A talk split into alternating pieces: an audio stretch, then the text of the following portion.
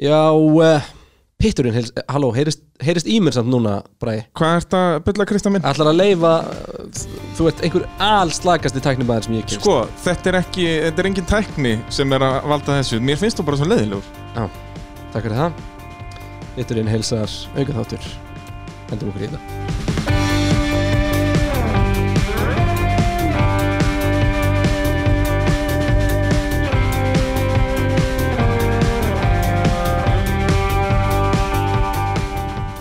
Jú, Kristján Einar, það er Já, við erum heldur betur búin að rífa okkur í gang. Já, fólk er bara komið með leið á okkur held ég. Já, já, það er, þú veist En við þurfum okkur finnst það gaman. Já, ég segi það. Okkur finnst það gaman og uh, það er heldur betur mikið að frétta í formúli heimum Það varu fyrstu tvær keppnina búnar uh, Östuríski kapasturinn og hinn já, Ste- magnaði steyru- steiru fjallakapastur eru búnir en við ætlum að vera til Ungverjaland sem helgina Já. og uh, það verður gaman. Við hins vegar, já, förum kannski aðeins svona yfir einhverja smá uppbytum fyrir það. Gerðum það náttúrulega ágætt í síðast þætti en við ákveðum í ljósið þess að uh, já, hverjum einasta degi eru ég og Bræði spurðir hvað er í gangi hjá Ferrari? Já. henda bara í þátt. Þannig ef ykkur lappar upp út á götu það bara opnaði síman og sínin er bara að hlusta á þetta. Bara hlustað á þetta. Ferrari eru hverki, þeir eru bara í dörrullu Já, með allt niður um sig Búin að uh, kúka upp á bak Og búin að maka hegðunum upp á hnakka Og uh, búin að setja þeir í örbylgjöfnin Þannig að það er basically búin að skemma allt húsið út að það er komin kúkalikt út um allt þú ert ekki lægi sko. þetta er bara wow Þetta, er, þú veist hversu góða líking var þetta?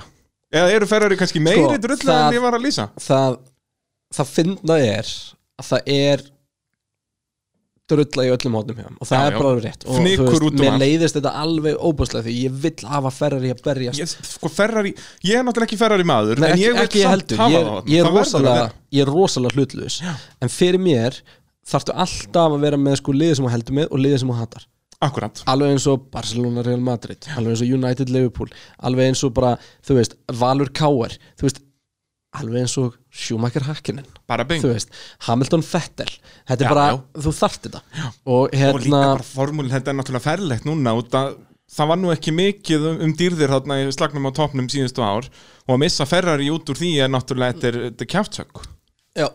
en ef við fyrir aðeins í gegnum þetta sko, það eru það eru, það, bílinn er oflíðlugur á öllum svið Já, þetta er mjög spes, við myndumst aðast á það í hvort það var í síðasta þar síðast að við gerum svo marga þetta Kristján og ég er alveg bara að missa bara- trakka að að þeir ákveða að taka algjöru uppbeigð bílinn hefur alltaf verið sem sagt low drag bíl, hefur verið góður Já, raun og veru, var hann ekkert endilega alltaf lótrak en það er svona áttin sem að þeir fóru 2018 og alveg ekstrím 2019 Akkurat, og unnu á Monza og þú veist bara besta helgi allra ítala þarna þegar Leclerc vann á Monza og, og alltaf góður á spa og allt þetta Svo hvað núna bara, heyrðu, bensarnir eru hraðar en við í, hægumbeigjónum, við þurfum að gera eitthvað í því.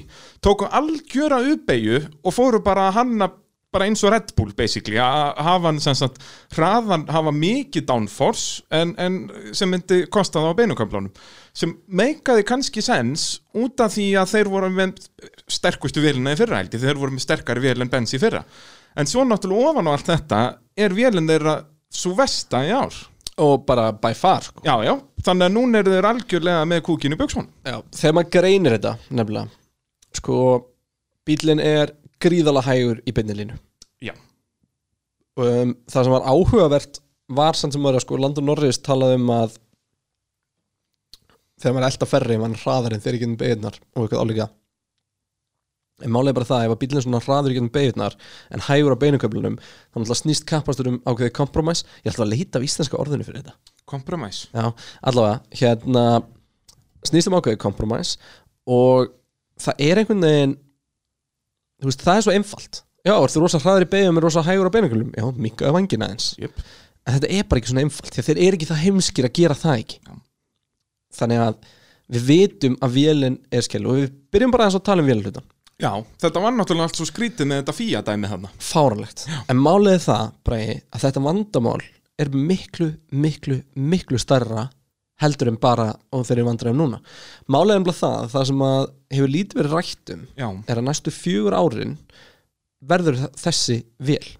Þannig að þeir geta breytt vélinni í haust. Þeir geta ekkert breytt inn í sumar, ekki neitt. Já, það er Vélin svo, verður þeir geta svona- ekki, já. er engin uppgreitt milli keppna. Nei, það er bara eitthvað þá, þú veist Eitthvað svona kannski utan á, já, já, og eitthvað lúm og svona dót en þú veist MGU, MGU 8-ið Já. það er hérna, það er lokkað fyrir árið.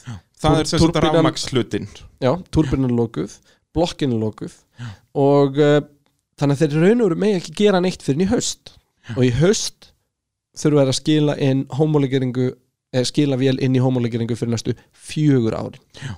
Þannig að þeir hafa sex mánuði til að finna út hvað í anskuðanum þeir eru að gera við núverandi vél til að gera hana Geta betri. í rauninni bara verið að dæna og testa það. Þeir geta ekki prófað það í bíl. Geta engungu dæn að testa en ok, það er sennilega öðvöldast að testa vélina er það er frekar svona stöf- og það er, raun og veru frekar þá vandamálinn svo Mercedes-lendi í fyrstu kemni sem þú getur ekki testa á dæna áskilu en þannig að- þeir geta bara dæna testa og þeir hafa sex mánu til þess að laga vélina fyrir 21, 22 23 og 24 En svo og- þeir hvað, þeir fá að breytin eitthvað aðeins? Þeir fá eitt breytingatóken þannig að með að gera eina breytingu 21 þeir með að gera eina breytingu 22 svo með að gera enga breytingu 23 og enga breytingu 24 þetta ánáttúrulega við um alla.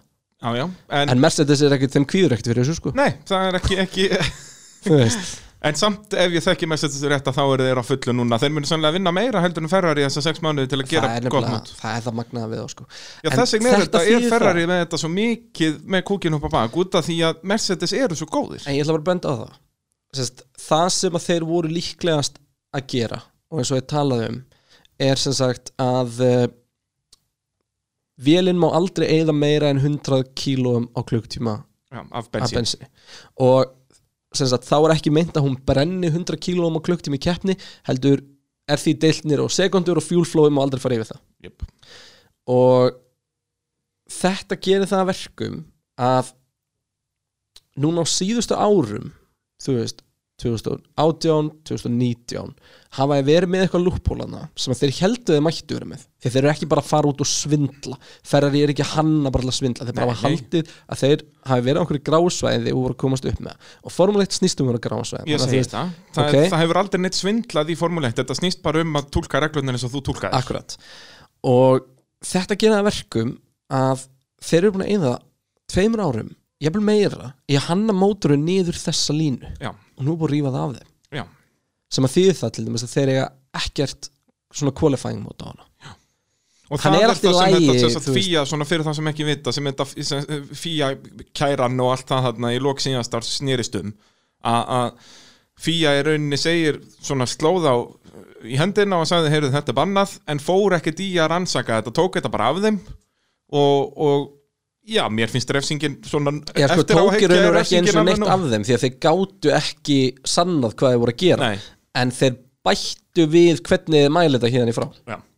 og þá þurfti Ferrari að, breyta þessu og, og Já, og ótrúlega satt, þá er vélum bara miklu, miklu Já, í framhaldi. Ótrúlegt Og ég raun og veru finnst mér skipta máli í þessu öllu saman að sko, fyrir að gefa út hvað þeir uh, voru að gera bara til þess að önnulegið lendi ekki að fara niður sömu línu algjörlega, algjörlega og, veist, og það má ekki gleyma því þetta snýst ekki endla bara eitthvað um það ætla, kæra allir að fá okkur stig tilbaka þetta snýst líka bara um bara, heyrðu, eru við mögulega að gera þetta? Já. Eru við að fara að lendi í þessu? Já, eða þá ef að þú ert með einhverja hugmyndir heyrðu, getur við ekki prófað þetta? Nei, þetta getur við ólöglegt en byrju, ég held að Ferrari sé að gera þetta da, da, da, þú veist að þá lið þurfa að vita þetta, En skilur þetta, þetta þýðir að Ferrariinn er ekki fara að komast inn í Q1 sko. Nei, ekki í ár allavega og Þeir- sem að þýðir það sem að kemur okkur á stað eins og uh, við sáum í síðustu keppni þar sem að þeir eru að ræsa í þú veist, ég meina þeir voru bara tíund og tíunda ellasta sæti, sæti já, já. bara á hraða sko. Já. Þú veist, Já, þetta þú var ekki neitt þegar, annað þeir mun alveg nokkur sem komast inn í Q1 en þeir verða bara í nýjunda sendi þar já, en sko, þetta, já, Nei, en Q3, þetta, þetta, þetta er ég þýðir, að röglega þessu saman er þetta ekki Q3, Q- þetta þýðir að þeir eru að fara að vera í einhverju svona miðju skrappi Jep. sem að þetta er kann til dæmis ekki Já, hann er allavega búin að gleyma því. Hann kunni það kannski eitthvað tíman en Leclerc svo sem áleg geta og Já, hérna já, en ég menna, það var klart sem gerði feilin síðast. En að Leclerc var geðu ykkur Alfa Romeo. Ég menna, klart var ekki geðu ykkur í Mónakói fyrra. Það var eina skipti sem hann þurfti eitthvað að vinna sig í gegn. En það er líka í Monaco sko. Já, já, en við skulum alveg bara að gleyma því.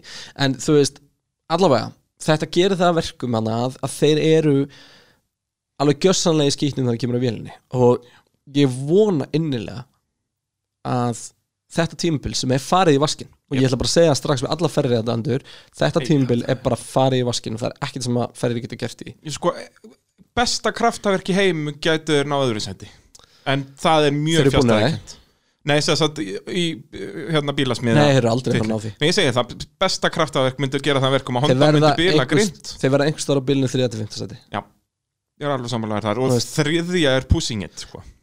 McLaren eða Racing Point getur um náð þriða allavega, þannig að þetta tímabil er að fara að breytast í bara glorified test sko. já, já, þú veist, já bara, ekkert glorified bara við, viðbjóðslegt test. bara viðbjörnslega test já.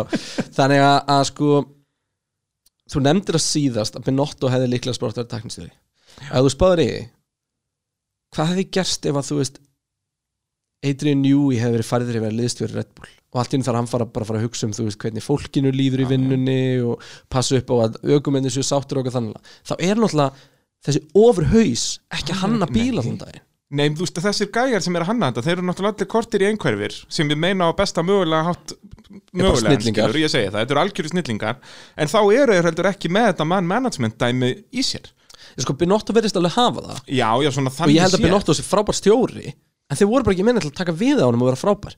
Og náttúrulega þú veist Benz eru búin að að stela öllu besta liðinu frá öllum liðunum í svo mörg ár. Þú veist, James það Allison og það allir er þess eitt að sem að er gæja svona þeir svolítið öndir að reytar og fólk átta sig ekki á því. Tóto er bara búin að vera Já, þú veist, að klappa fólki hægri vinstri. Ég segi það sko þetta er og, þetta sést alltaf í fótbolta. Ég meina það sést þegar Juventus kaupi Cristiano Ronaldo og, og þú veist, og í ennsku deildinni ef, að- ef að eitthvað lið er að kaupa af bestu það, liðunum og það myndi sjást ef að sko Benz hefðu kipt Fettel að Ferrari. Já, já, en, það er enginn að spá í hérna já, voru þeir að taka hérna þann, frem, þann fremsta í þú veist því að, að hérna í Aero, bara lít Aero developer niður það er enginn að pæli því. Nei, ekki nema bara svona innan bransans sko.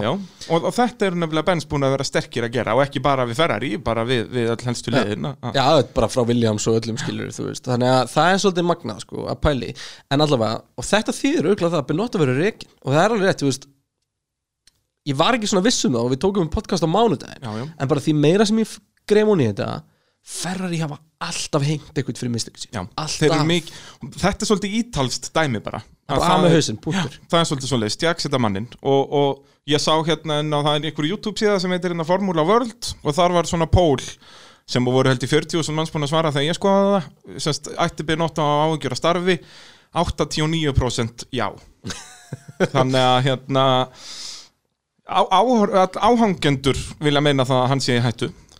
Já, ég meina sögulega þú bara segir okkur það. Já, já, ég, ég, ef ég væri, hann væri aðeins fyrir að lítið verið ákveðlega á mér sko. Já, ég held að, ég held líka sko að og hann mun náttúrulega skellurinn við allt þetta fyrir Ferrari að þeir mun ekki setja hann aftur sem Vist, hann er búinn þá að hann verður bara rekin Já, hann fyrir bara að vinna með Rosbrón hjá FIA eða. Fjöndi Benz eða eitthvað sko. Bara eitthvað. Eða bara retire út, já, hann hefur auðvitað bara fínt Eða fyrir að gera eitthvað Já, hann skemmtilegt ekki- Þeir hafa reyndar gert það með svona göra þegar var fært á inn í sko einhverja svona pólitík Nei, bílaframlýslu já, svoleiðis, Binotto getur alveg öruglega hann að ágætið þess Já, ferrar í já. gödubíl það er fínt.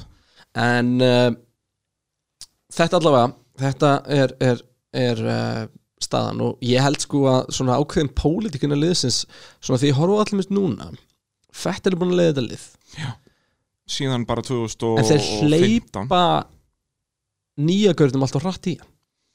Já, Þú veist, Leclerc átti ekki verið að berjast um að vera nummer eitt í fyrra. Þú veist, Leclerc átti bara að setja á sér vitandi að hans tækifæri kæmi árið setna og áttu þeir bara að segja hann um halda kæfti og vera Ég held það, bara sestu. Þú ert farið að vera ferri, taktu þér eitt ár hérna í að bara ná góðum áragri já, kannski fara að vinna keppni. En ekki byrja með einhverja innanhús pólitík og fokk strax sko. Já, þetta er góðu punktur svo sem að bara leifa Vettel að því, sín. eróið er í rugli. Vélin er í rugli. Bílinn verðist ekkert vera einn rosalega góðu mekanikli heldur skilur upp grindin því að þá hefur ekki verið tíundu og elleftu í rigningunni. Þú veist já. þar þarftu bara balans á milli góðs eró og góðs bíls. Það íkist í rauninni bara rigningu. þeir eru í tómurugli á aukumarsmarkanum eða ekkert í tómurugli á aukumarsmarkanum við erum með tvo frábæra aukumenn næsta ári en það sem ég meina er þú veist uh, dýnamíkin og, og liðseldin er horfin skilur við og hva, hvern þarftu núna til að þróa áfram hennan bíl? Þú þarft Sebastian Vettel. Já, þú þarft ekki sjálfslega klörk sem er ekki með reynslun, þú Sainz, Vettel skilur, já, eða Kimi Rækonen Já. eða þú veist, eitthvað álíka. Já. og hefur frekar fyrir Peres heldur en Sainz. Og veist, sko Vettel í huganfærinu eins og já, að tala um. til þess að byggja þetta áfram. Já. Allt sem Vettel gerir til að hjálpa Ferri núna kemur niður um á næsta ára en er komin í bíl ég þegar- sem það er að keppa sem ég Ferrari ekki skýt sama hvað Ferrari er að gera núna Þess, ég veit ekki, ég held að sé nefnilega ekki Nei, hann jafn mikið tík og sko. þú segir sko. já, algjörlega ég held nefnilega að sé algjör fagmaður en þú veist samt. Bössið er farið já, já. hann er ekki að byggja neitt upp til já, framtíð og eins og varst að nefna hann það er kannski búið að vera farið núna í rúmt ár Já, því að hausinn bara, hann vissi bara veist, hann var ekki nummer eitt lengur hann þarf að vera nummer eitt. Já, já, við sá múlti 21, skilur það er en að segja þetta bara að, heyrðu, Leclerc, þú verður bara nummer tvö hérna, þú veist. Á tímapunktum í fyrra hefði það litið alveg agal út fyrir Ferrari. Að halda Leclerc alltaf fyrir aftan fyrir tímabilið hefði það bara meika sens að setja hann á sinn stað. Það var ekki svona mikil munurlega klörk á fettil og pointið mitt, er eiginlega ekki sko, klörk þú átt að kera hægar til að fettilina á þér heldur bara hvernig hann bar sig Já. þú veist, já, flottu gaur og hann er þá var hann ógeðslega lúmskur já, þessu. var dónalegur bara já, Já, já, það er alveg rétt, en ég minna hvaða komar er ekki dónalegur en þá eins og þú segir, vantar betra management kannski ég bara, held hann bara sko. þú ert bara ungur hérna, leiðu okkur að segja um þetta og það má engi miskilja mig og segja, ég sé að segja að Leclerc átti bara að vera, þú veist spila eitthvað bara, uh, þú ert bara hérna, Rubens Barrichello ég er ekki að segja nei, það nei, sko. nei, þú veist, ég er að segja hérna það átti bara haldunum á sínum stað aðeins lengur. Og bara til að byggja hann upp í raun og veru, en í staðinn þá eru Ferrari að díla með alls konar innanúspólitík bara pointið mitt er, þeir áttu aldrei að geta verið í þeirri aðstöðu geta lent saman. Aldrei, Já, það er góða punktur. Og núna þurfti Ferrari að berast við innanúspólitík innanúspólitíkin hefur líka, við sem ekki gleyma því að liði hefur líka skipst í tvent Já, annars er það þeir sem voru á bakvili klörk og hins vegar þeir sem voru á bakvili fett Út af þetta eru náttúrulega allt snæld og geðu ekki ítalir hann og, og það er verið svolítið heitt í hamsi út af þetta er náttúrulega bara trúabræð Ferrari er bara trúabræð þarna í Maranello, það er ekkert flóknir en það. En svo uh, er ég búin að vera að kafa ennþá meira onni þetta með, með bara hvernig bílinn er að höndla. Já. Við vitum bara að vélinn, hún er 40-50 hestöflum hægari heldur en í fyrra og þótt að það sé hlutfarslega rosalega lítið í mótor sem á að vera að skila 1000 hestöflum þá er það samt ógeðislega þegar þú ert að mikið. berjast um 0,0001 Já, sekundu þegar tve, tvekja km hraði niður heilan beinakabla er kannski orðið 0,1 skilur Já, já. Þú veist, og tala ekki um þegar orðið djúpum skil. 15 km hraði sem munaði frá eins og var að í Já. ég minna þetta var bara, og þar voru þeir hægastir. Það var ekki, þeir voru með þess að hægar en Alfa Romeo. Já, og voru alltaf hraðastir fyrir, allstaðar. Allstaðar, þannig að þetta er eins og segir, svo mikil uppeyja sem þeir fórum með þennan bíl. Og svo sem við ekki glemma því að sko, ef að bílinni góður í beigjum og þeir eru að starta í 10. og 11. sæti og eru svo hægar á beinaköflunum, þá er ömulegt og það er líka að tala um það með þessa bíla þú þarft að vera hátt í sekund á hring hraðari til þess að komast öruglega fram úr svona meðaltali ef maður horfur yfir Já, fyrir utan bara DRS sko. já, já, en ef þú ert í, ekki með power á beinaköflunum, þú veist, bara spurðu öll þessi lið sem hafa verið í midfieldinu núna síðustu ár. Kannski voru þeir að kera gæða þetta rætt en þeir komst aldrei fram úr eða Ferrari. En bílinn virðist bara vera með einhvern svona fundamental galla og Já. Ferrari er fóru beint í Já, sko, Ferrari fóru beint í að búa til einhverja, einhverja uppfæslu búa til, koma einhverja, einhverja bita á fest á bílinn og eitthvað þannig en málið það ef að bara grunnpakkin er ekki að virka þá skiptir einhver máli hvað þú hendi mörgum bitum af litlum vangjum og carbon fiber á bílinn, hann er ekki að fara að virka og þetta var, þetta var rosalega ég heyrði brjálæðislega áhugavert hérna viðtal við Gary Anderson fyrir um tæknistjóra Já. hjá Jordan og, og fleirum, það var að tala um þetta um, hann var að tala um hann semst með minnir hann að það hafi verið sko 95 og 96 það sem voru með bíl 95 sem var góður en þeir voru með bíl semst 96 sem var léttari þannig að þetta þingja hann betur. Hann skilaði meira downforce hann var með minna drag, hann var með allt. En svo komur þetta brautina og hann bara virkaði ekki. Já, svo leiðis og það sem gerðist þar var einhvern veginn að sko augumindin gátt ekki fengið neitt confidence í bílum og hann var að tala um þetta í sambandi við Ferri og mér finnst þetta bara svo áhugaverð pæling. Uh, í þeirra tilfelli var það þannig að sagt, þegar þú beigði meira þá beigði bílinn minna. Sem var mjög furðulegt því að bara hann fóð bara undirstýra svo mikið. Og þá var sagt í raun og staðan á dekkjunum og hvernig bílinn snýri upp í loftið að ruglöðlu og þeir byrjuðu um þetta að hendi ykkur bitum á þetta. Já. og það gerist ekki neitt. Þá fóru bara tilbaka og sagt skoðuðu bara í grunninn hvernig. Og þá sem það sem gerist var að allt að aeropunkturinn var rauninu bara algjörlega komin aftan á bílinni mér í B. Hann er bara allur Já. þrýstingur var aftan á honum.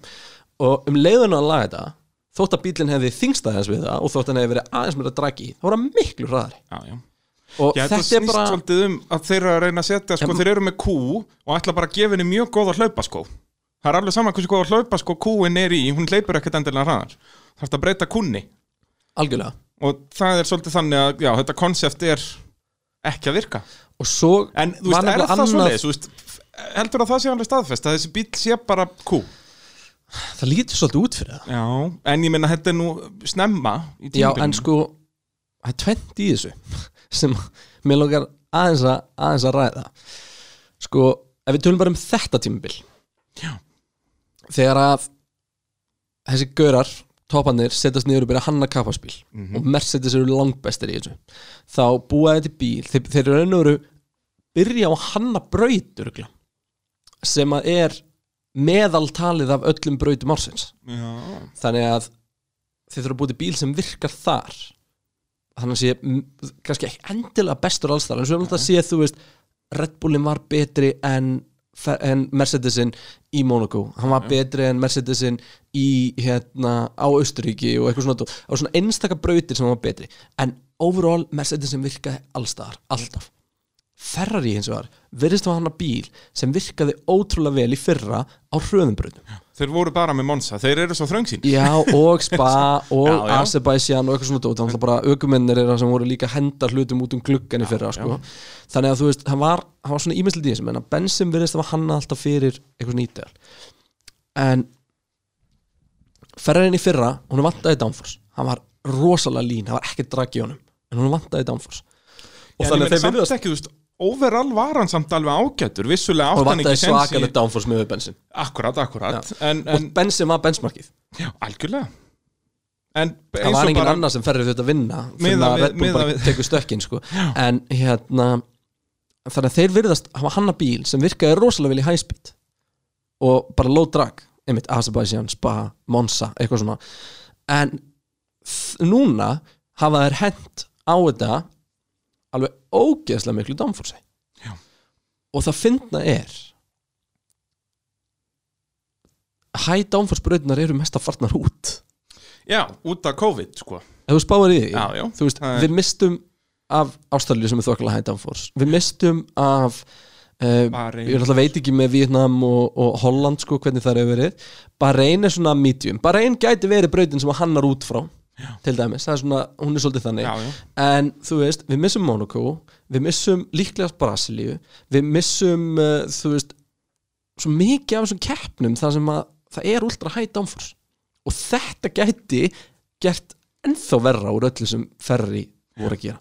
Þannig að sko bílinn allavega þeir virðast í staðin fyrir að hanna bíl sem á virka allstaðar alltaf verið eitthvað fókus á bara, heyrðu okkur vantar downforce. Þá bara hent ógeðslega miklu downforce á bíl já, þetta er svo ykt allt. Og svo bara, heyrðu okkur vantar hraða. Og þá bara alltaf fórstekja bílnum. Þetta er einhvern veginn ekki, það er ekki þessi þessi gullni millivegur, þetta kompromæs sem að kappastu snýst um þetta er alltaf kompromæs þú veist, til dæmis að, setja bíl fyrir spa er ógeðslega erfitt og Já, leiðilegt, þú ert aldrei með bíl sem er fullkomin á beinuköflunum eða fullkomin, þú veist, niður hérna vákaði dótti úr mér? Og rús og það? Nei, órús er ekki beigja lengur. Hérna, niður lungu vinstri beigina. Sest, eftir, eftir halvan Oh my god, hvað ég þó líka munandi ekki. Þetta er, er einu upp á spegja minn sko.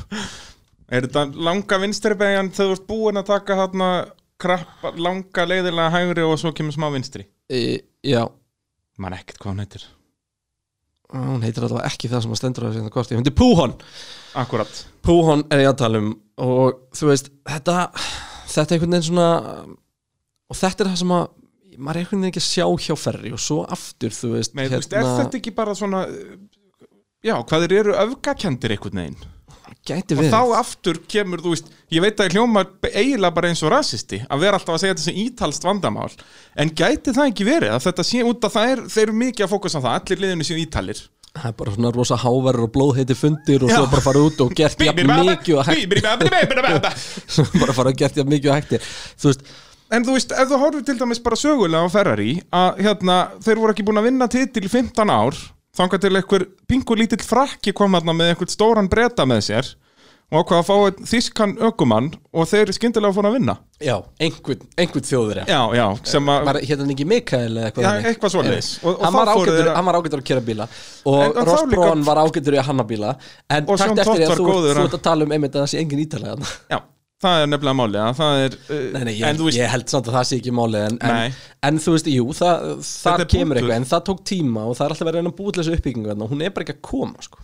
Flavio Briatore talaði um það að, að Já, Ferrari vantar leiðtóga basically. Briatore fyrir þá sem ekki vita var hérna hann var leiðtói hann var leiðtögi, hann var með Runo og Benetton og, og vann þar uh, fullt af titlum. Uh, og hann tala meira sem um það, þú veist, eins og að fá Hamilton inn í liðið væri ekki laust, út af ökumæður hans myndi bara bæta um, þú veist, kannski 0,2 sekundar á ring og, og þeirra vandamáli miklu stærri en það. Uh, og bætti svo við að ef ég væri við stjórnvölina sjálfsög, ég held að öll við Fravi og Bíratóri endi svoleiðis, ef ég væri við, við stjórnvölin myndi ég henda næstu tveimur árum í ruslið og fókus á 2022 sem að mér finnst reyndar alveg góða punktur en sagðan það ekki áður en að já, ef, ef að reglubreitingarnar verði ekki fara rætt, já, já, já, þær eru 2022 nú Já, þetta var bara viðtal í, gæri eða fyrir að daga eða eitthvað. En náttúrulega fyrir það sem ekki vita þá er Flavio Briatore í ævilengu banni frá Formule 1 það er búið að lifta því. Er það? Já, Má hann hann vera að- stjóri? ég held að hann hafi fengið það sko í gegnum mannréttindumstólunum eða eitthvað hannig Nú, það er svoleiðis. Nú býttu, af hverju er hann þá ekki löngu búin að taka það Ferrari? Nákvæmlega. Það væri litla veistland það var eitthvað. Er hann, hann er ekki í Ítalja, það er ekki frakki ég, held að hann sé bara svona persónun grata sko Já, það þetta er bara bara bíó. Þetta er algjör bíó, en við höfum það ekki inn í pittinum Fá Eddie Jordan og, og, og Flavio Briatore Bara aftur inn. beng Já, það var eitthvað. En Já, ég, ég veit ekki Þú veist Ég veit ekki hvað meira við getum sagt. Bílinn er, það er ekkert Hann er með allt og mikið downforce sem á kostna allt og mikið strax. Eða ekkert allt og mikið downforce Hann er bara með allt og mikið drag. Já, eins og þú hefur margóft nefnt inn í pittinum Þetta er bara steipuklump, Bara múrsteinn. Þetta er bara múrsteinn Og það er bara ekki að virka. Nei, það virkar lítið í Formule 1 hefur heyrt. Já, Það er betur að hafa bíluna Svona svona svo carbon Formule 1 fiber bíla ekki múrstenna einmitt. Þeir hættu að nota múr þannig alveg fyrir einhverjum árum. En hvernig sérðu framtíðina á við förum aðeins yfir bara sögubækurnar að, sem lengstu svona, já, titlalausu árin hjá þá er ég að tala um titil bílasmiða það er hérna 64 til 75 við munum kannski ekki alveg svo langt en sem sagt 75 kemur ákveðin maður sem heitir Nicky Láta og segir, herðu, þessi bíl er saur. Ah, what do you mean? It's a Ferrari. Og, og Nicky Láta var bara drullu sama og sagði, vá, þó hann sé rauður þá er hann viðbjóðslegur og, og þau kunnið ekki hanna bíla. Uh, og svo byrjaði hann að vinna og þeir vinna hann að fjóra titla á fimm árum eftir það. Svo vinna er ekkert 83 til 99 og þá aftur komu þeir þrýegi, Tott, Brón og Schumacher. Þetta Og- voru 15 ár. og þarna voru 15 ár án titils og núna eru komin 11 ár án titils basically 12, þetta þeir eru ekki að fara að vinna í ár. Já eru þeir að fara að toppa þetta með? Ég held það, eins og við vorum að tala um áðan. Við, sko, eitt sem við getum gert náttúrulega núna er bara það að öll véldildin fyrir hana Já, já, vel og fyrir homologjarna núna fyrir haustið. Og restin af þessu fer í bara að hanna bílinn fyrir næsta reglubreitingar er 22 og ég 23 segi sko. það, eins og Briatore var að nefna þarna henda þessum árum núna bara í það er ekkert annað sem getur gert sko.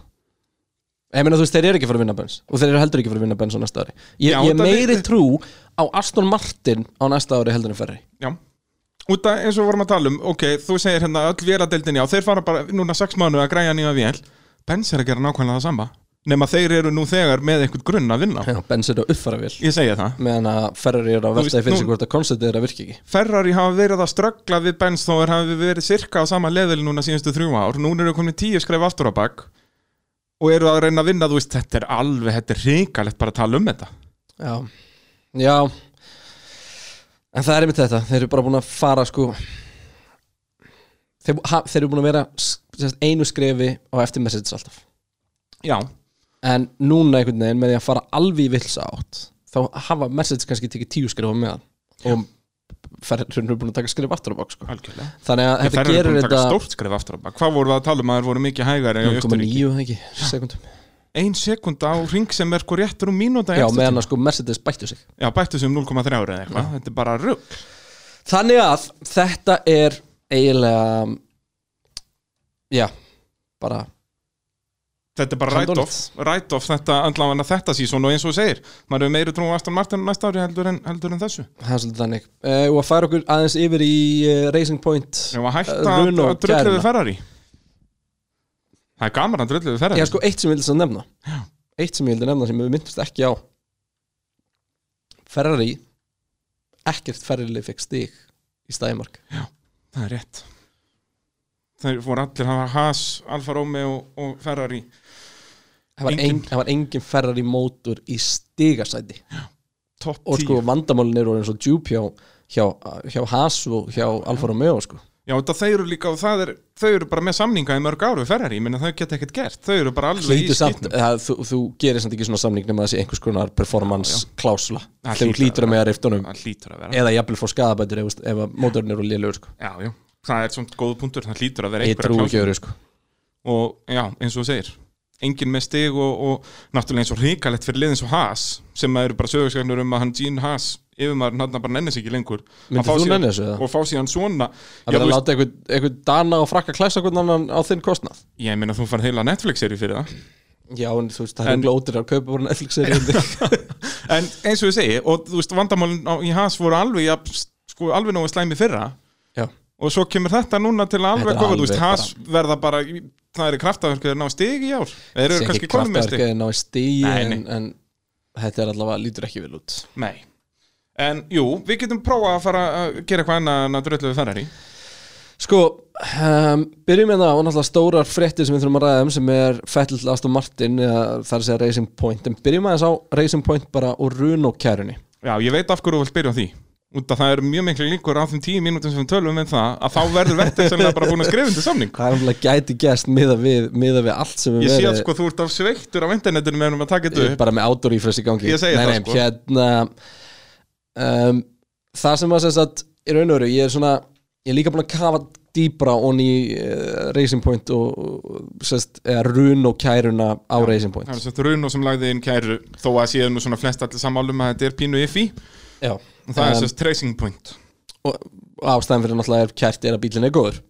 Annars hefur ekki nefnt þessu. En sem sagt ástæðan fyrir því að, að bremsukerfið var raun og veru það sem var eða breykdöktin þar sem þessi kæli innlett fyrir bremsunar Þetta er í rauninni bara carbon fiber stikkið sem er utan um bremsurnar. Já, og þar leðandi fyrir innan dekkið í raun og veru og, og ja, með loftintökum. Ástæðan fyrir raun og veru kæra það er líklega sem svo, svo að er 20 í þessu bæði þá var breykdöktinn og, og þetta er miklu flóknar en maður heldur. Um, sérst ekki á þessum lista yfir hluti sem þú máttir ekki fá frá öðrum li liðum í fyrra. Þetta er nýtt núna, núna er þetta ekki Já. klassifætt lengur sem partur af bremsubúnaðunum heldur partur af aero. Akkurat sem þú mátti ekki fá og, og sagt við erum allir búin að sjá og öll búin að sjá myndirnar af þessum uh, bremsubúnaði þessum, þessum döktum á bæði Mercedesinum í fyrra og Racing Point með þar og þetta er mjög líkt utanfrá. En ekki, maður sér samt að þetta er ekki alveg eins. Þetta er ekki alveg eins Nei, nei, en en, þetta er rosalega líkt. AliExpress útgáfan. En það lítur svolítið það ljóð það er svona illa smíðu Já. B-útgáfa Racing Point, maður er ókslega fyndi en sem sagt, það sem að gerist eða það sem að, sem sagt, maður spáir ekki í, er á bakvið þessi dögt er gríðalega flókin búnaður. Já. og þetta er nægilega líkt á utan til að búið til grunnsendur um þetta sé eins eða allavega talsveit eins. Og point er raunverið það að þetta er jú eitthvað sem Racing Point gæti mögulega að vera að keira á síðustu ári með Benz uh, bremsu breykdöktin Já, já.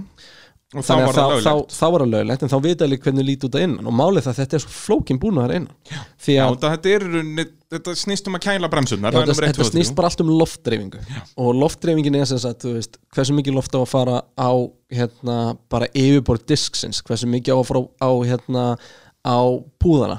Hversu mikið á að fara af heitulofti á að skila sér á felguna. Hversu mikið Og hvernig það á að skila sér út, skilur Það má Já. ekki koma út í einhverjum allt og það má ekki fara í það má ekki fara í sagt, hérna gólfið á bílnum það þarf að fara út til það hliðana því að þá trubla það allt. Og hvar, hvar heitaloftið lendur á kaldaloftinu Þetta er að snúast á slíkt. 300 km hraða og bara eins og segir Þetta er eins flóki og það verður. Þannig að þetta er alveg bara fullt af litlum göngum og splittum og einhverju dótiðan inni sem að gera þetta alveg ógeðslega flókin búna þannig að ef hann er eins innan hann er ekki eins hjá neinum tveimur liðum. Þetta er bara fullir af tæknstjórar nema að þú sér bara með hönnun fyrir okkur. Já, algjörlega, það er ekki fræðilegur að, að þe- þetta er hluti sem ekki hægt er að taka myndir af að, þannig að ef þetta er eins eða svipað og þetta er nægilega líkt til að búið til grunnsendir og þetta er svona þægilega leið til að byrja. Og það þarf, til þess að kæra gætur ekki bara kært og sagt, heyrðu, mér finnst nú bara þessi bíl svolítið líkur gamla bílum Já, geti, eða, tæknilega hefðu þeir geta kært allan bílinn þá hefði kæran tekið svona 2-3 ár að fara í gegn. Þannig að þeir, Já, í raun- nei, þeir raunur hefði aldrei getað kært allan nei, bíl. kannski ekki. Þeir þurfu alltaf að kæra individual uh, componenta sko. Þannig að um, En Racing Point, þeir hafa eins og það tekið það fram að þeir hafi unni mjög náið með tekningdelt fíja og voru að þessu. Og, og eins og eh, mjög mörg lið gera þegar þeir vita að þeir eru á okkur svona gráu svæði. Já, þá hafa, þeir geta, þeir eru með trúnaðamann sem þeir geta rætt við Já, sko. já, það er beauty við FIA sem er sem sambandi sem séur um Formule 1 að þeir lið geta bara, heyrðu, við hérna erum að hanna þetta getið þeim hjálpa á okkur, veist, er þetta alveg öruglega lögt? Og það er náttúrulega, ef þú ert að fara að hanna eitthvað hef í dæmi, þó að sé bara einn komponent eða allur bílinn, að þú nennir ekki að vera hannan í átta mánuðu og síðan fatta að hann er ólöglegur. Þannig að það er mjög fínt að geta Einmitt. spurt eitthvað innan FIA strax. Og fengi álit sko. og Mercedes-Benz gerði það sama með DAS-kerfið. Þá bara fenguði mann frá FIA, þú veist, heyrðu sko við viljum meina að þetta sé partur af stýrisbúnaðanum ekki fjörunabúnaði, en þú veist, við viljum fá það alveg 100% áður en við byrjum á þessu, hvort það sé löglegt eða ekki. Og FIA sögðu bara já, og fyrir var þetta fyrir reynda þar voru sögðu ekkit endilega já, en Nei, en þetta er svona- aldrei fyrir að kemur formuleik kæra og það Já. náttúrulega þurft að gerast með Racing Point. Og en þeir segast allavega að hafa gert það þannig og, og það var áhugavert. Andreas Seidul hjá McLaren hann sagði bara einfallega, þú veist ég er ekki hrifin af því sem Racing Point er að gera mér finnst ekki að vera Formule 1, en það er engin grunni til að byggja kæra. Sem er, að- hann horfði á þetta þannig að bara ok, þeir voru að kopja hann en bílinn er ekki alveg eins og hann hugsaði líka, þú veist, hvað myndu Benz græða á því að vera að gefa þeim sínar hannanir, skilur, þú veist.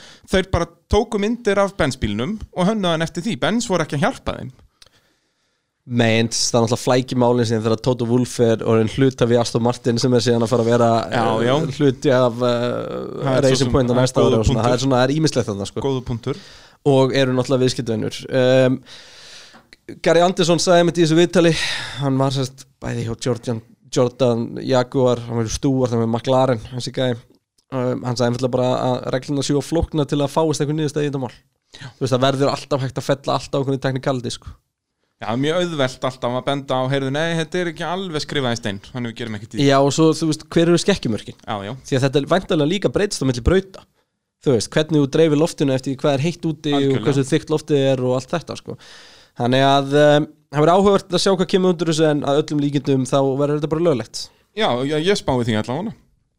en þá skulum við færa okkur að um, já, stóru fréttum dagsins. Því að sko, það var mjög fyndið þegar við ákveðum í gær miðvíkudaginn 15. júli að hendi pitt og byrja aðeins að setja hann yfir puntaðina og þar hérna var talað um hann Fettel til Racing Point rúmur og allt beindi til þess þá að mögulega, þetta væri henni svo bara undir stról komið á þessu ári og stról yngri hvernig stendur sig hvernig heldur sætinu sinu Já, þetta sko, þegar ég sá þennan punkt í skjálun okkur góða sem þú settir inn hérna í gær, þá svona, ætlum alveg að fara að tala um eitthvað svona, þetta er bara eitthvað, og síðan Eitthvað bara í, mor í morgun er, var þetta basically bara staðfest. Já, bara svo gott sem og bara Peres er bara farin að leita sér nýju liði og Og sko það er líka litla þvælan. Já, sko, það sem ég er nefnilega að skrifa hérna sem er bara alveg rétt Peres er sennilega besti dýl sem lið getur verið með hann kemur með fullt af sponsortæki fyrir maður að sækja spons í Suður Ameríku en er samt topp, topp, topp driver Jöp. Þú skrifaði sem bara top, top driver, sko, ekki þrjafald. ég bara vildi leggja Já, áherslu á þetta, mig. já, gott, gott. En ég er svona samanlega, þetta er bara uh, Pastor Maldonardo sem kann að keira. Hann kemur ekki bara með peninga Já, er hann ég, veit ekki alveg, veit ekki alveg hvernig þú getur sagt þetta sko, því að Peres hefur ekki unni kemur Það er þetta rétt Maldonardo, auðvitað, það er legend. Ógleymanlegu Það er heldur betur óglimalega það var bara eitthvað steik sko. En hérna, við erum að tala um Peres Og eins og segi, ef ég horfi á þá sem kapastusökuminn hlið við hlið, Vettel og Peres Bæði við, þá er Peres 30, Vettel er 33 Það Já. munar nú bara helling á því. Að þá skil ég ekki, jú, jú, kannski er Vettel betri ég skil alveg af hverju Aston Martin uh, vill Fettel Af hverju vilja er hann? þeir eru með Bensvél Bens eru alveg pottið til að fá þjóðveri og fá Fettel bara að keira er Já, Aston Martin dillin er náttúrulega sko þessi Aston Martin dill er náttúrulega rosalega flókin sko. Og hann er eiginlega svona sýnir af hverju uh, Papa Stroll er bila ríkur sko því að þetta er ekki alveg búið að gefa þetta út en þetta lítur svona út sko. Um, Stroll kaupir Racing Point ásand öðrum þegar Racing Point er algjörlega í skýtnum Já. þeir eru bara basically gjald fyrir það Já, ekkert basically, voru þeir ekki þetta? uh, jú, það búið að setja auka reist stoppanda út, af- að Peris kærði fyrir hönd allra. Um, þannig að Papa Stroll fer og kaupir lið. Með öllu saman, þú veist, Já. starfsmenn og, og vesmiður og allan pakkan. Hann fer síðan og eignast 16% hlut í Aston Martin eftir að hann er búin að hafa samband. Sest, þetta, er, nefnilega- þetta er svolítið fyndið, hann fyll Aston Martin. Aston Martin er í rugglinu fjárhagslega. Eins og Það hann er talað um- síðustu 20 en ár það er talað um miljard punda gat og skuldir sem voru bara að dekta og gjalda. Já. þannig að hann fer hann inn og segir ég skal fjárfesta og, og Þessum- peningnum sem ykkur vantar núna en ég vil þið sponsið og verið tætlsponsin á Racing Point í staðin ok, flott. Þetta er einhver dýl held ég upp á sko 200 miljonir hérna uh, dollara eða punda. Slettir því á borðið. Og ekki til greiðslu fyrir á næstu fjórum árum ekkert tímann sko. Og reynum við veitingum hvernig þetta er greiðslu. Síðan kemur bara ljós að Aston Martin þarf ennþá meira á þess að halda hann beisli ferðangæðin og segir, ok, ég skal koma hérna inn og eigna sko 25,1% hlut með fjárfæstingahofnum sinum sem er orðið sko stærsti hluturinn og verður já, hérna Aston Martin. En hann segir, ég kem með hennar peninga þið stækkið þá framlæðið ykkar í, í hérna. Þannig hann er basically bara að eignast Aston Martin með því að borga fyrir formúlið stráksins sko. já það er bara út að hérna strákurinn er að keppi í íþrótt. Þetta er, bara, þetta er eins og ef hann verið fótboltamaður þá var núna búin að kaupa Manchester United. En væri búin að kaupa meira svona Everton Já. en væri samt búin að sæna ógeðslega mikið að liði frá Manchester United til þess að fara upp. Já. við erum þetta að lið á sem eru bæði í skýtnum en það er Já, en, en þetta er samt mjög góð svona líking sko, að það er, þetta er út af, þá er Manchester United eins og Ferrari eru núna, að hann væri búin að kaupa Everton og Everton væri byrjað að vinna svolítið hann og strákurinn hans væri eitthvað í left back bara að sparka en sko þannig að þetta move allt saman er farið að meika svolítið mikið sens og þá, nema núna allt í einu er hann orðin stakeholder í Aston Martin. Já, já, þannig að hann er eignast Aston Martin og Formule 1 lið. Og Aston Martin er fá fullt, fullt, fullt að presans með því að vera í Formule 1 algjörlega. Og hvað er það fyrsta sem þú gerir til að auglýsa stórt vörumerki í Formule 1 þú sænar aukumann og Peres er bara því miður ekki þetta nafn sem Sebastian Vettel. Sebastian. Vettel er fjórfaldur heimsmeistari. Sebastian Vettel er, punktur. þú veist Já, hann er bara stórt nafn, þú veist, hann er næst, næst stærsta nafnu eftir Hamilton, myndi ég að segja, Formule 1 já, Verstappen reyndar er hann hjúts líka er en, en já. Vettel er auðvitað stærri. Já, bara eins og segir, þannig að þú veist, hérna, á svo mörgu sviði meikar þetta svo mikið sens fyrir utan bara hvað þeir hefðu verið með geggja driver line up og næsta ári ef þetta verið Peres og Vettel. Ég veit það, og það, það er svo skrítið að við séum að tala um Peres eða Vettel þegar sko, það væri svo ef, geggjað ef að þú verið stról- pappi minn og þú ætti Formule 1 lið og þú myndir frekar taka Sergio Peres fram með mig þá er ég brjála ég myndi gera allan tíma, Kristján. Allan tíma, ja, það er ástæðan fyrir að ekki pappi minn. Það er bara þetta ég er ekki búin að vinna nógu mikið að því að verða pappið en þú veist uh, þannig að þetta er þetta er ógæslega áhugað og sko strólgreið á ekki skili alveg allan þann skýt sem hann fær. Algi er Þú alveg sambanlegar þar. hann er ekki lélir en Niklas Latifi sko. Nei, nei, hann alls er ekki lélir en Roman Grosjean.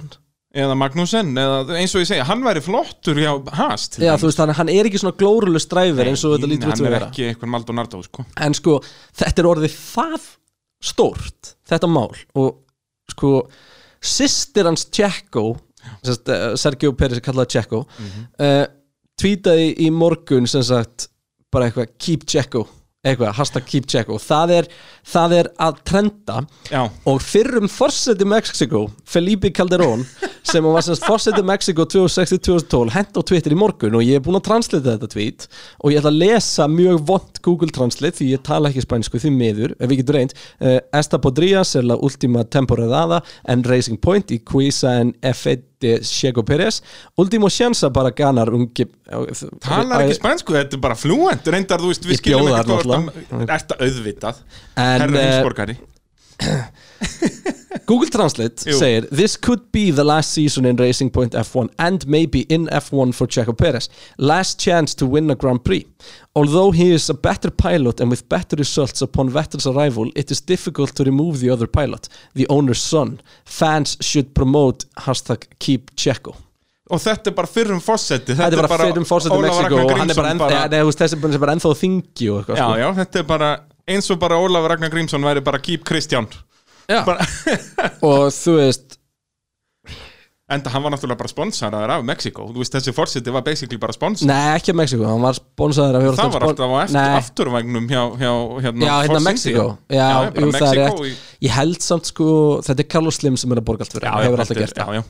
Og hérna, En svo er eins og ég segi, það sem gerði þess að fréttir líka ennþá meira svona konkrét fannst mér í morgun er að það eru komnir hérna, mjög sterkir orðumar eða bara staðfest að agentin hjá Tjekko hefur verið að tala við Haas og, og Alfa Alfa, Romeo. Já. og náttúrulega ímyndaði sko Það er sendingunni eins og fyrir Haas Já, fá eins og ég sagði hann Hann er ekki bara sennilega bestur af midfield aukumönnum ok, það má alveg spyrja sig út allavega með- kappakstur, er ert ekki svo segur í tímatökum Já, hann er bara, hann er frábæð kapasökunar og í raun og veru fekk hann bara maklarinn breykið sitt allt snemma á sinn tíma sko Já, og En- á McLaren bíl sem var ekki góð veist, það, þetta intertvænaði líka við sko til klænið hjá McLaren en sko Fettel allavega á eitthvað viðtal í dag við tökum hann þáttu upp á 16. júli 15. 16. júli við Martin Bröndul sem hann bað um og maður var eiginlega svona búin að bara ákveða að hann væri bara tilkynna að hann væri hættur Já, þetta hann sko baði um þetta fyrir viku En við náttúrulega vitum ekki hvað er að gerast fyrir bakvið tjöldin Hvað kannski vissi hann allan tíman að hann væri að fara til Aston Martin Já, en svo getur bara vel verið að hann bara, hafi bara viljað hitta Bröndul sko Ég segja það bara eða bara klýra upp eitthvað varandi klörkrassið eða, bara vilja láta eða sitt fær að á- byrjun eða eitthvað álíka sko. eða bara hvað hann fær á söpbiðin sinn sko. Já, eða þá hreinlega þar var ekkert í gangi og hann var bara að passa upp á allir vissu að hann væri að leita og vildi ekki hætta sko. þannig að þetta er svona þetta er mjög, mjög áhugavert og ég meina það er fullt af stórum nöfnum búið að henda sér á baku þetta sé bara gerast. Já, algjörlega, Gerard Berger einn af þeim sem var náttúrulega liðstjórið Toro Rosso þegar að Vettel vinnu sem fyrsta sigur í Formule 1 2008 Þannig þeir eru miklir, miklir mátar. Og, og fleiri og fleiri bild sem er hérna blaði í, í Þýskalandi ja, sem þeir eru yfirleitt- mjög oft fyrstum með frednar Já, um mjög, mjög, mjög akkurat accurate fréttir um, um Vettel og bara sagt, já, mjög stórir í Þýskalandi. Þeir eru alveg handvissur um að þetta sé að fara að gerast og ef ég þekki okkur strákana í pitnum rétt þá verður þetta búið að gerast svona kortir áður en ég upplata þættinu minn á interneti. Já, þannig að þetta verður lent inn í- ok lent í okkur að, að þakka. Loksins þegar að fréttinar eru staðfestar er, þá kemur pitturinn út. Já, það er bara þannig. Ég kannski segi, býtu, ég ætla að segja núna setningu. Heyrðu, og uh, Vettel er komin í Aston Martin. Þannig að ég hef þannig ég get, sett, ég get tekið allt þetta spjall okkar í burtu og bara setja þessa einu setningu inn. Já, já, já.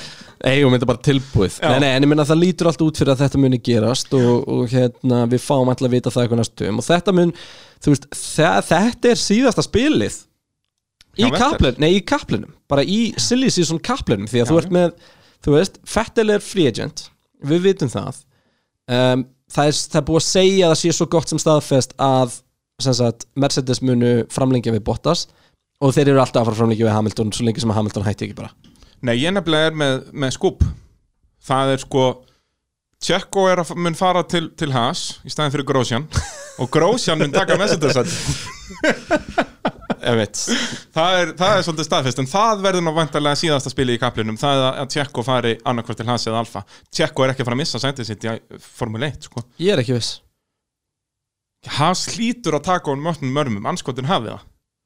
Þeir eru með Grósjan og Magnussen að aka bifræðunum sínum. Þeir, þetta er bara himna sending að fá Tjekko hana Já, og maður er veginn svona ef við horfum á sko markasvæði sem að, sem að Peres opnar inn á. Já, svo er það náttúrulega líka. Kemur hérna væntanlega selur meira verkfærum, til Suður-Ameríku heldur Já, en til, þetta. til hérna Danmarkur eða, eða Frakland sko. Nákvæmlega. Þannig að þetta er, þetta er, þetta er rosalega áhugavert. En það, þetta, þú veist þetta er, náttúrulega klikkað við þetta er, þetta er orðið eitt á toppsætunum. Já, það, svo er það náttúrulega líka. og það er ástæðan fyrir að Fettil hefur áhuga. Já, algjörlega. Og hann er bara, að horfa um bíl áðan. sem hann ræður ekki við á ferrinu maður bara, já, ég er alveg til að gera hann Já, við vorum að, þú myndist á þetta áðan að, að hérna, Alfa Róm, nei, nei, hérna Aston Martin er sennilega betri en Ferrari á næsta ári. Og það Ég er ekkert farfetst. Og, og það er það sem að Fettil er, er að leita af. Og minna, hann gaf það bara út hérna, Ímyndaður veisluna sem það væri maður þegar hann byrjar að vinna Ferrari á næsta ári. Það væri rugl, já, það væri geggjað. Þá verður, ég verður að finna nýtt lagi Sebastian Vettel lotni þá. Sjöl en þú veist þannig að það er hérna, þetta er, þetta er mjög áhugavert allavega hvernig þetta er að spilast allt saman og, og hérna og uh, Fettil talaði með náttúrulega bara fyrirfram. Ég, ég þarf að geta vera á bíl sem er samkynnsæfur og geta verið að berjast um, um pall og sigra og, og Racing Pointin lítur út fyrir að geta það núna þannig að, bara þetta verður, já, þetta er bara mjög áhugavert. Heldur betur, er eitthvað meira í fréttum uh, Christian? Nei, það kom inn að fram að Hulkenberg ætlar að fara að keppa aftur. Hann tekur eitt, eina sportbílakapparskeppnum á Nörbjörning Bara one-off eða ekki, hann er ekki að taka eitthvað sínsson það er, það er kannski svona frekar frekar uh, þungt Já, það er bara eins og að segja að Kristján ætla að fá sér söpvið í hátiðin í dag. Uh, uh, Nei, það er bara fake news. Er það svoleiðis? Já. Þetta er synd að sko Þú ætlar að fá þess má júrólólíu Ég verð að vinna með mína sponsa hérna. Já, hvet allar til að tjekka einmitt á mótovarpinu. Það er eh, beng. heldur betur, heldur betur gott, gott stöf Heldur betur, nú erum við að byrja í ykkur þvælu, Kristján. Já, mikið rétt, við hérna við hins vegar uh, opniðum fyrir spurningar ef að menn er vildu spyrja. Og það eru nokkra komnar, Óli Jón Gunnarsson spyrir hérna er þetta eiginlega silly season ekki að hafa mikil áhrif á þau aukumenn sem um ræðir? Ætti að setja upp félagskiptamarka í F1 til að koma í veg fyrir svona fíblagang þegar komið er inn á tímabili Þetta er góð spurning. Mjög góð spurning uh, Mér persónulega finnst þetta pínu skemmtilegt. Já, mér þykir það líka. Og, Og þetta þetta getur svona rugglað í ymsu og, og þú veist. Og það að þetta skuli vera rugl í ökumunum er það ekki bara skemmtilegt? Mm, já, ég held að F1 bara gangi ekki alveg upp í félagskiptaglögunum líka og til að liðin er ofta á svo tætt budgeti og þetta snýst um alls konar þannig Og að- tímasetningar og Já, þetta. og þetta er flókið og, og þú veist, jú, já, mörguleiti meika félagskiptaglögi einhvers konar sens veist, Já, til, bara til að það er ekkert ástæðu lausa Þetta er kallað silly season. Þetta er pínu silly Já, en alltaf núna er bara búið að vera silly season lengi og það verður kannski yktari ár bara út að vennilega er já, já. silly seasonið sumarfrís glugginn Já, þetta er svona júli-ágúst Já, en núna náttúrulega bara hefur enginn haft neitt annað að gera heldur en að vera að pota sér eitthvað áfram eitthvað staðar og, og Jep. finna eitthvað út úr þessu og einhverju spekuleysun á því hversu góður þeir eru. Uh, Andri Viðar Sveinsson segir þetta ég er ferrimaður og þessi eilífa drottnun Mercedes er að fara í mína fínustu árættar ár getur bílinn, getur engi gert neitt að viti gegn Mercedes nefnir stöku keppni því bílinn er eiginlega svindbíl hversu læst er þróum bílina það sem aðver ás og verða þetta ekki nána sögum bílinn 21 ég er að spáka því þurfi ekki bara að fylgjast með næstu keppni 22 til að fá einhverja áni út úr þessu ári. Er reyndar alveg að fíla McLaren og Albon svona kantir um þannig að það er nú eitthvað sem maður getur verið spenntið fyrir þegar ferri eru steingjaldir sko, ef þú ætla bara að horfa ferri þá getur þú bara slögt í 2025 mæli ég með að eh, koma aftur. 23 kannski sko. Já það er bara svolítið þannig sko. Ég myndi mæla með því vinnur að, hérna, slökva og, og hérna, bara ma- koma aftur 2025 getur hlusta bara pittin Já, já, hlusta pittin, við erum hérna mjög skemmtilegt eins og núna hlusta okkur í klukkutíma drulluðu ferrari til dæmis já en þú veist Ferrari eru bara í Þeir eru í skítnum. handónundri stuð Ég segi og það. ef að þeim tekst að snúsa við og ég, þetta, er alltaf ef skilur eins og einhver sagði sko F1 er if backwards. Já, þannig að, Ú, þannig að því hérna, lík, ó, þetta gull, ég ætla að tattu þetta á ennið á mér. Þannig að sko það getur allt gæst í þessu ennþá, en það lítur ekkert vel út fyrir Ferrari. Nei. Núna því, uh, Pétur Orri Pétursson spyrir það, núna því Alonso verður í Runo og næsta ári og Runo eftir að eiga sjens í þriðja konstruktuskeppni 21 því mínum enn í ferri get ekki neitt. Sko ég held bara ekkert vissum að Alonso verður neitt hraðaleldur en ekki hjartu, fyrir Nei. mér er Alonso þitt besti kappasökum að alltaf tíma sko. Já, ég er að tala um ekki hjartu í ár sko. Já, já, já, ok, jú. Hann verður hraðar en okkur held ég sko. Já, en eins og ég segi, já, hann verður Alonso er ekki eitthvað himnasending fyrir það, sko. Jú, hann er það að mörguleiti og sérstaklega fyrir þróunina. En, hann Já, er, já. en þú veist, vandamál er bara hvort að liða sér tilbúið að taka við til toxicity-inu sem fylgjur hann sko. Já. Ég eh, ætla að svara þessar spurningu nei, Runo verður ekki þriðasenda næsta ári. Já, nei, ég held að Runo verði ekki þriðasett næsta Það verða kannski fjórða. Já. En maður veit svo sem Nei, þessi svolítið er alltaf svo í svo mikil bara. Um, Elva Freyð Þorstinsson er með frábæra pælingu hérna. Wow. Ef Aston Martin er á eftir Fettel á þá Red Bull að segja Peres Ú, Það væri reyndar geggja line-up. Já, fyrir utan að Peres er ömulegu number 2 Já, en ég minna hann er orðin þrítur og þú veist, honum langar alveg öruglega í Red Bull. Þú veist, ef að Red Bull getur bara lamið inn í hausinn á honum, heyrðu var steppan enn nummer eitt og verður alltaf nummer eitt. Ef þú vilt ekki taka því að þá getur þú farið í has Já, Þú veist, hann myndi taka því. Ég sko pluss að Verstafinn myndi bara alltaf vinna Peres það, merit sko. Ég segi það. En Peres væri geggjaður í þessum Red Bull. Geti verið. Vá, hvað það væri geggjað Ég verið. hafði ekki pælt í þessum meira að segja Þetta er mjög góð pæling Þú veist, þetta á ekki eftir að gerast En mjög góð pæling Sko Red Bull er í skýtnum með number 2 hjá Ég sér, veit, það er þessi Albon er ekkert að sko. Þeim vantar bara eitthvað nóg að djöfelli góðan sko. Og Peres er alveg known dæmi Og þá kannski líka, ímyndaður ef Peres heldur bara áfram að vera 40 sekundum eftir Verstappen Þá er það líka bara endanleg hérna, negla á það að Verstappen er bara í, í, Bara í guðatölu sko. bara, já, Já. já, sem geti vel verið.